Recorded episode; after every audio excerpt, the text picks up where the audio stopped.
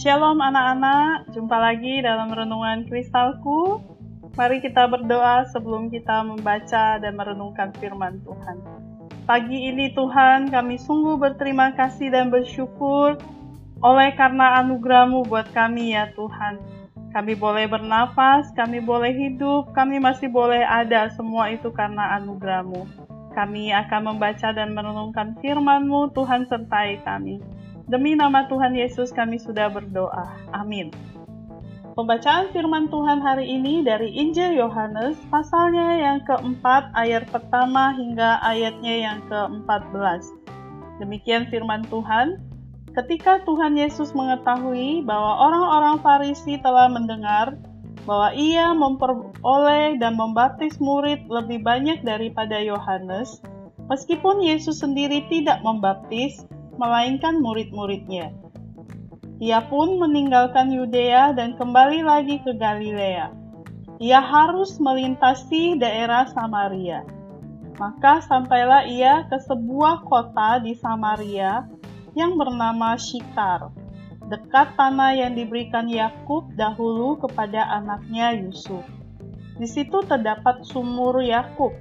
Yesus sangat teliti Yesus sangat letih oleh perjalanan. Karena itu, ia duduk di pinggir sumur itu hari kira-kira pukul 12. Maka datanglah seorang perempuan Samaria hendak menimba air. Kata Yesus kepadanya, "Berilah aku minum." Sebab murid-muridnya telah pergi ke kota memberi sebab murid-muridnya telah pergi ke kota membeli makanan.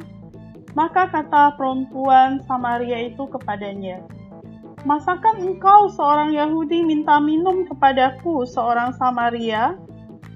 Sebab orang Yahudi tidak bergaul dengan orang Samaria.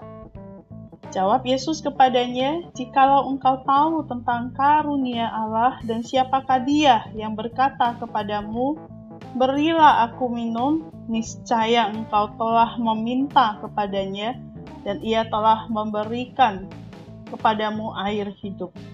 Kata perempuan itu kepadanya, Tuhan, engkau tidak punya timba, dan sumur ini amat dalam. Dari manakah engkau memperoleh air hidup itu? Adakah engkau lebih besar daripada bapa kami Yakub yang memberikan sumur ini kepada kami dan yang telah minum sendiri dari dalamnya, ia serta anak-anaknya dan ternaknya.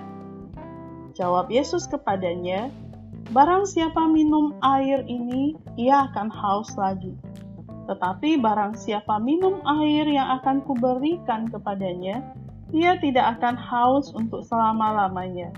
Sebaliknya, air yang akan kuberikan kepadanya akan menjadi mata air di dalam dirinya yang terus-menerus memancar sampai kepada hidup yang kekal. Sampai sejauh demikian pembacaan firman Tuhan. Anak-anak, dari firman Tuhan tadi kita melihat ketika Yesus dan murid-muridnya meninggalkan Yudea dan kembali ke Galilea, mereka harus pergi melalui satu daerah yang namanya Samaria. Pada tengah hari, Yesus beristirahat di sumur, sementara murid-muridnya pergi untuk membeli makanan di kota kecil. Saat itu, seorang perempuan datang untuk menimba air. Yesus berkata kepadanya, "Maukah engkau memberiku minum?" Perempuan itu kaget karena Yesus berbicara kepadanya. Kenapa? Karena dia adalah seorang bukan Yahudi Sedangkan Yesus adalah orang Yahudi. Dia adalah orang Samaria.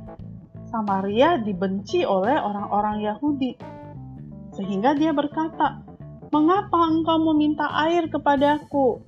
Yesus berkata, "Jikalau engkau tahu tentang karunia Allah dan siapakah Dia yang berkata kepadamu, 'Berilah aku minum,' niscaya engkau niscaya engkau telah meminta kepadanya dan ia telah memberikan kepadamu air hidup.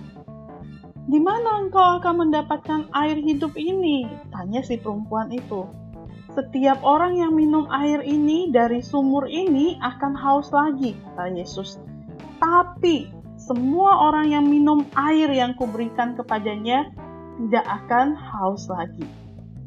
Anak-anak, bisakah seseorang minum air hidup? Apakah kamu pernah merasakan sangat kehausan sampai-sampai lidahmu terasa sangat kering? Allah menciptakan setiap orang dengan semangat yang haus untuk mengenal Dia dan yang rindu untuk memiliki hubungan dengannya.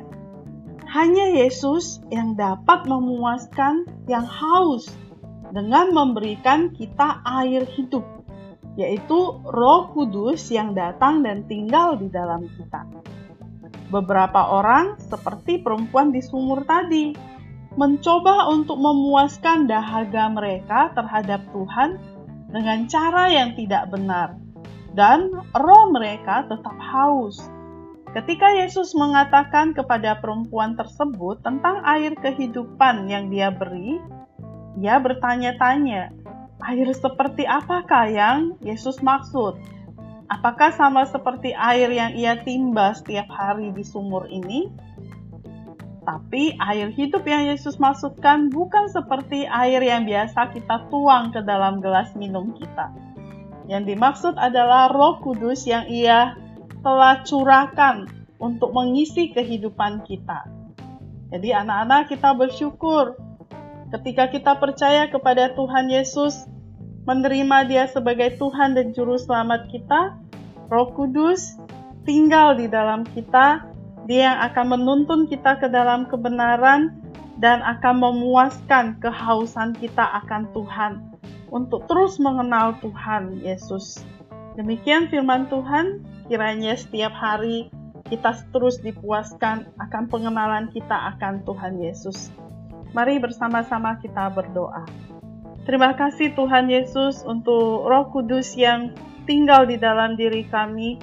Berikanlah kami kepekaan untuk selalu dituntun oleh Roh Kudus untuk mengenal kebenaran, mengenal Engkau Tuhan Yesus lebih jauh lagi di dalam hidup kami dan kami boleh terus dipuaskan akan kebenaran-kebenaran yang Tuhan akan singkapkan buat kami. Terima kasih Tuhan Yesus, pimpin sertai kami hari ini. Amin. Anak-anak, ayat firman Tuhan untuk kita hafalkan hari ini dari Matius 5 ayatnya yang ke-6. Berbahagialah orang yang lapar dan haus akan kebenaran, karena mereka akan dipuaskan. Kiranya kita adalah orang-orang yang lapar dan haus akan kebenaran, sehingga kita akan disebut sebagai orang-orang yang berbahagia dan kita akan dipuaskan oleh Tuhan. Amin. Bersama Yesus, aku bisa.